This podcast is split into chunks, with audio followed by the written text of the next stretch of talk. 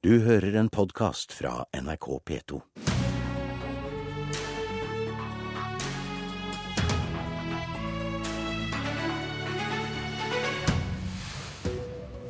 Noen påstår at du ikke vet hva du får med Miljøpartiet De Grønne. F.eks. når vi inviterer lederen til intervju før landsmøtet. De har ingen leder, men to talspersoner. Og den som kom, heter Rasmus Hansson. Velkommen. Takk. Du skal holde én av to landsmøtetaler i morgen. Skal begge handle om miljø? Miljøpartiet De Grønne skiller seg fra andre partier ved at vi tør å si at uh, livsvilkårene på jorda og jordas miljø må være rammen for annen politikk. og Derfor er det det viktigste uh, politiske temaet. Det betyr ikke at andre politiske temaer ikke også er veldig viktige, men uh, vi prioriterer tydelig. og Derfor kommer vi selvfølgelig til å snakke miljø, både Hilde Opoku og jeg. Noen påstår du heller ikke vet hva slags politikk du får med Miljøpartiet De Grønne. Dere sier at dere er blokkuavhengige. Dere vil gi makt til det grønneste alternativet, som vi hører deg begynne å snakke om her i stad også. Og da gir kanskje valget seg selv, hvis dere får sjansen. Vil du peke på en statsminister som vil gi dere makt over oljepolitikken, men som ikke vil hente 10 000 syriske flyktninger til Norge? Eller gir du makt til en statsminister som ikke vil gi dere makt over oljepolitikken, men som vil hente 10 000 syriske flyktninger til Norge? Det skal vi forhandle om. Det er det politikk eh, går ut på. Det Miljøpartiet De Grønne kommer til å være klokkeklar på, både i lokalpolitikken og den nasjonale politikken, det er at vi vil sette i gang eh, det grønne skiftet i Norge. Vi vil ha Norge inn i framtida. Vi vil ha Norge ut av den fossile alderen og over i det bærekraftige samfunnet som vi må inn i. Og den forhandlingen kommer til å kjøre eh, helt likt med høyresidas kandidater og venstresidas kandidater. Og folk kan være helt sikre på at det de får av oss, det er det vi mener er det beste eh, resultatet av sånne forhandlinger, hvis vi kommer i posisjon til å gjøre dem. Men det du har sagt, og det dere sier, er at dere vil prioritere miljøet, som du også nå sier. Og da velger du vel en statsminister som gir dere makt over oljepolitikken, men ikke vil ta imot 10 000 syriske flyktninger? Det er et fullstendig hypotetisk spørsmål. Men den døra har du åpna sjæl, Rasmus Hansen, ved å si at hvis dere får mulighet til å gi noen makt, så vil dere peke på det grønne alternativet. Ja, Men du tar med et eh, flyktningspørsmål som er eh, aktuelt og viktig akkurat nå. Hvordan det spørsmålet ser ut eh, når det skal forhandles om regjeringsmakt i 2017 eller når det skal, hva som er mer aktuelt foran uh, lokalvalget, forhandles i byer og kommuner uh, rundt omkring i Norge. Men er ikke poenget så, at dere velger så, den grønne politikken foran andre saker? Prioriterer vi den grønne politikken, uh, og hva det betyr for flyktningpolitikken i tillegg, det vil vise seg.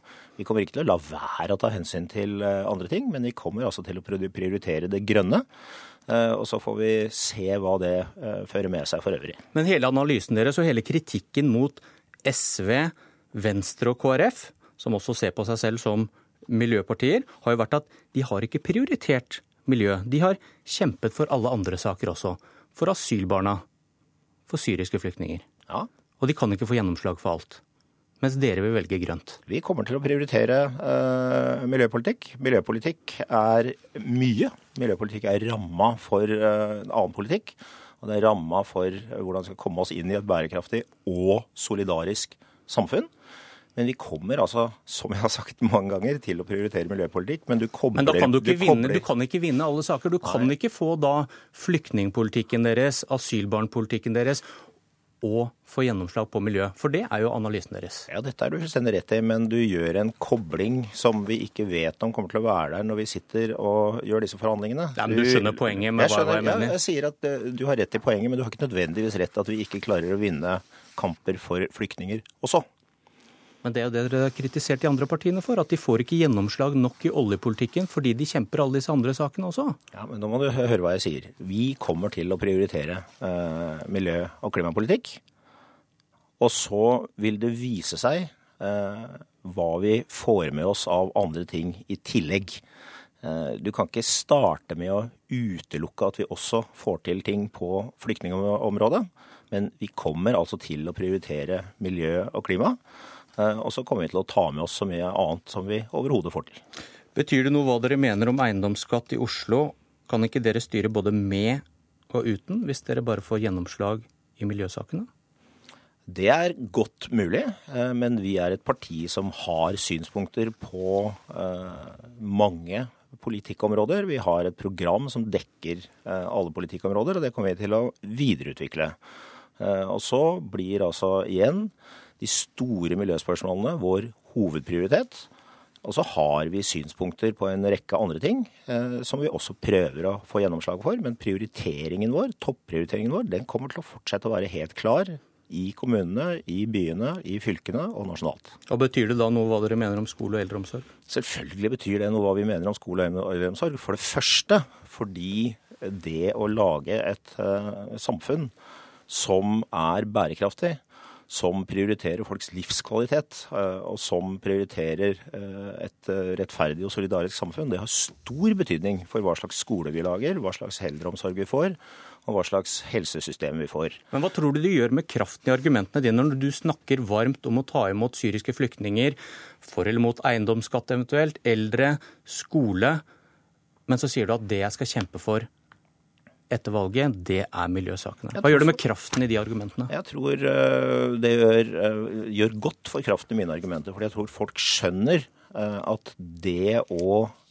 prioritere miljøspørsmål og det å understreke at miljøspørsmål er veldig mye mer enn akkurat en smal definisjon som går på noe klimagreier og noen kvoter og øh, noen nasjonalparker, det er brei og viktig samfunnspolitikk. Og så skjønner folk at det går an å si at det prioriterer vi, men at vi samtidig er et parti som er veldig opptatt av andre viktige samfunnsspørsmål. Vi setter altså en rekkefølge på det, og vi setter det i sammenheng. Og jeg er ikke, redd for, at, jeg er ikke redd for at folk skiller på den måten du gjør i, i det hele tatt. Jeg tror tvert imot de skjønner poenget. Men problemet mitt er at jeg syns at du høres ut som SV, Venstre og KrF, som også er veldig opptatt av miljøpolitikk, og masse andre saker, som du sier nå.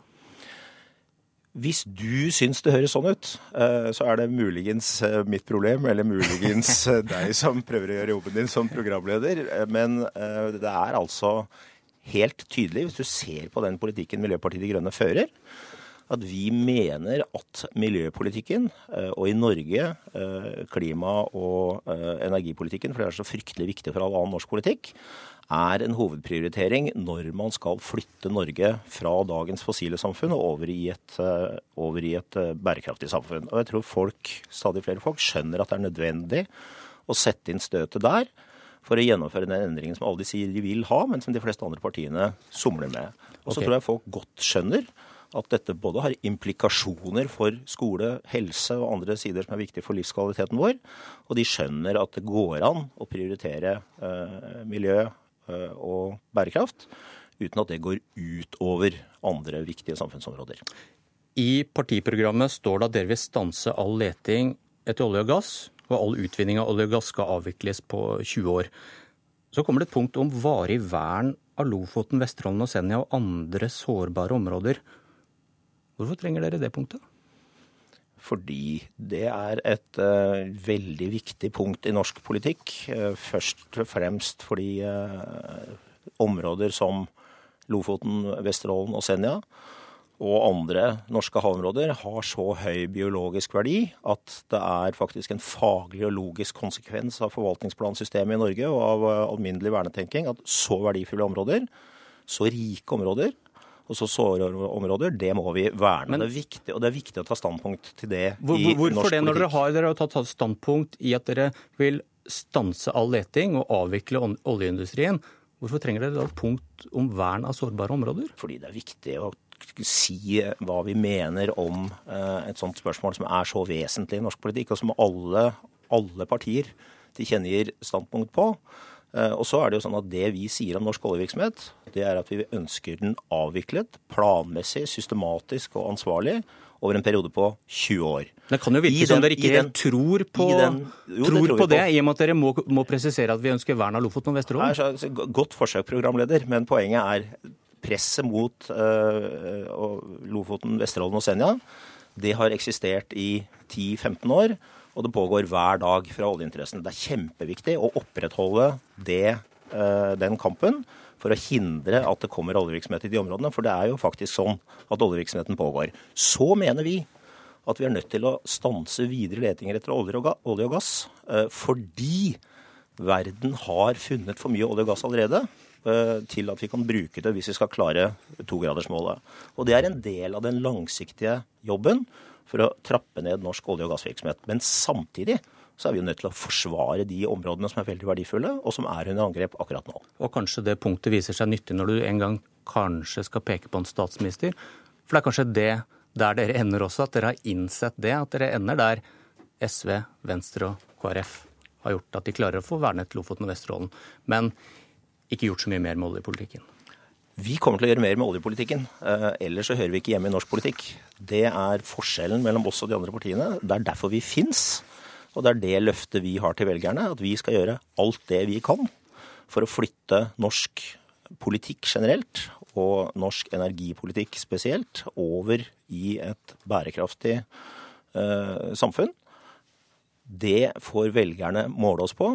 Men det er ikke noe tvil om at vi har flyttet hele den norske debatten om disse spørsmålene i en retning som gjør at det er mer sannsynlig nå enn det var for noen år siden at vi nå begynner å få til de store skiftene i norsk politikk som vi må ha for at vi skal komme oss over i det samfunnet som vi må over i for å ha en bra framtid for oss og for barna våre.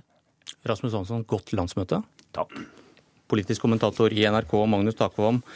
Eh, la oss begynne med det siste Hansson sa her. da. Eh, når de har hatt en mann, nettopp Hansson, eh, på Stortinget snart to år, hva, hva har de oppnådd? Jeg er enig i at uh, Miljøpartiet har oppnådd å prege den miljøpolitiske dagsorden. Vi ser uh, veldig ofte f.eks. at Rasmus Hansson er den som blir invitert til uh, miljøpolitiske debatter i, på den nasjonale arenaen, fordi han framstår som en kompromissløs miljøpolitiker etter å ha kommet inn på Stortinget. Samtidig så ser vi at det er en grense for veksten for for eh, Miljøpartiet De Grønne. Selv om de har gjort et, etter forutsetningene en veldig bra jobb så langt, så er det realistiske målet for dem ved stortingsvalget f.eks. eventuelt å komme over sperregrensa. sånn at det er ikke snakk om et parti som på en måte kan vokse inn i himmelen med den politikken de har. Men det tror jeg heller ikke de har som ambisjon. Møter Miljøpartiet De Grønne en annen miljødebatt i Norge enn de gjør i andre land? Altså, Norge er et annerledes land pga. vår petroleumsøkonomi. Eh, og det er etter min mening den, den, store elefanten i rommet når det gjelder norsk miljøpolitikk. Eh, det har jo skjedd en endring av miljøpolitiske holdninger i alle partier og opinionen, men smertegrensen for så vidt for de store partiene som utgjør flertallet på Stortinget, Ap, Høyre, Frp, går der hvor miljøpolitikken etter deres mening på en alvorlig måte eh, ryster det økonomiske fundamentet for, for, samfunnet. Og det har gått nettopp ved eh, olje- og petroleumspolitikken. Eh, det, de grepene Norge har gjort i miljøpolitikk, har jo i stor grad eh, ikke hatt store økonomiske konsekvenser. Eh, vi har god råd, og vi har brukt eh, CO2-rensing, fangst og rensing av CO2 som et virkemiddel som vi har eh, hatt flagget, og skog, bevaring av, av, av, skog, kamp mot avskoging. Altså alt, all norsk miljøpolitikk har unngått å komme i konfrontasjon med olje- og petroleumspolitikken. Og det er nettopp der Miljøpartiet skiller seg ut. Eh, hvor blokkuavhengig er Rasmus Hansson? Du hører han si at eh, miljøpolitikken er den store saken, og at han kan samarbeide med alle. Jeg opplever partiet som blokkuavhengig, eh, og jeg tror også at det er eh, en del av forklaringen, eller en viktig del av forklaringen på den interessen som er rundt partiet, fordi de får tilslutning av frustrert, i stor grad frustrerte miljøvelgere fra andre partier. Eh, så jeg vil si at eh, Miljøpartiet De Grønne er et slags eh, sentrumsparti med en ytterliggående eller en fløy, fløy, fløypolitikk på, på miljøområdet så langt. Så ser vi at de stemmer sammen med SV i de fleste sakene i Stortinget. Hvordan forklarer du det hvis de er blokkuavhengige? Én ting er at de er eh, blokkuavhengig maktpolitisk, men det politiske innholdet i eh, Miljøpartiets program trekker oftere mot det du kaller tradisjonell venstreside enn høyreside. Det er det ingen tvil om. Politisk kommentator Magnus Takholm, takk for at du kom til Politisk kvarter. Jeg heter Bjørn Myklebust.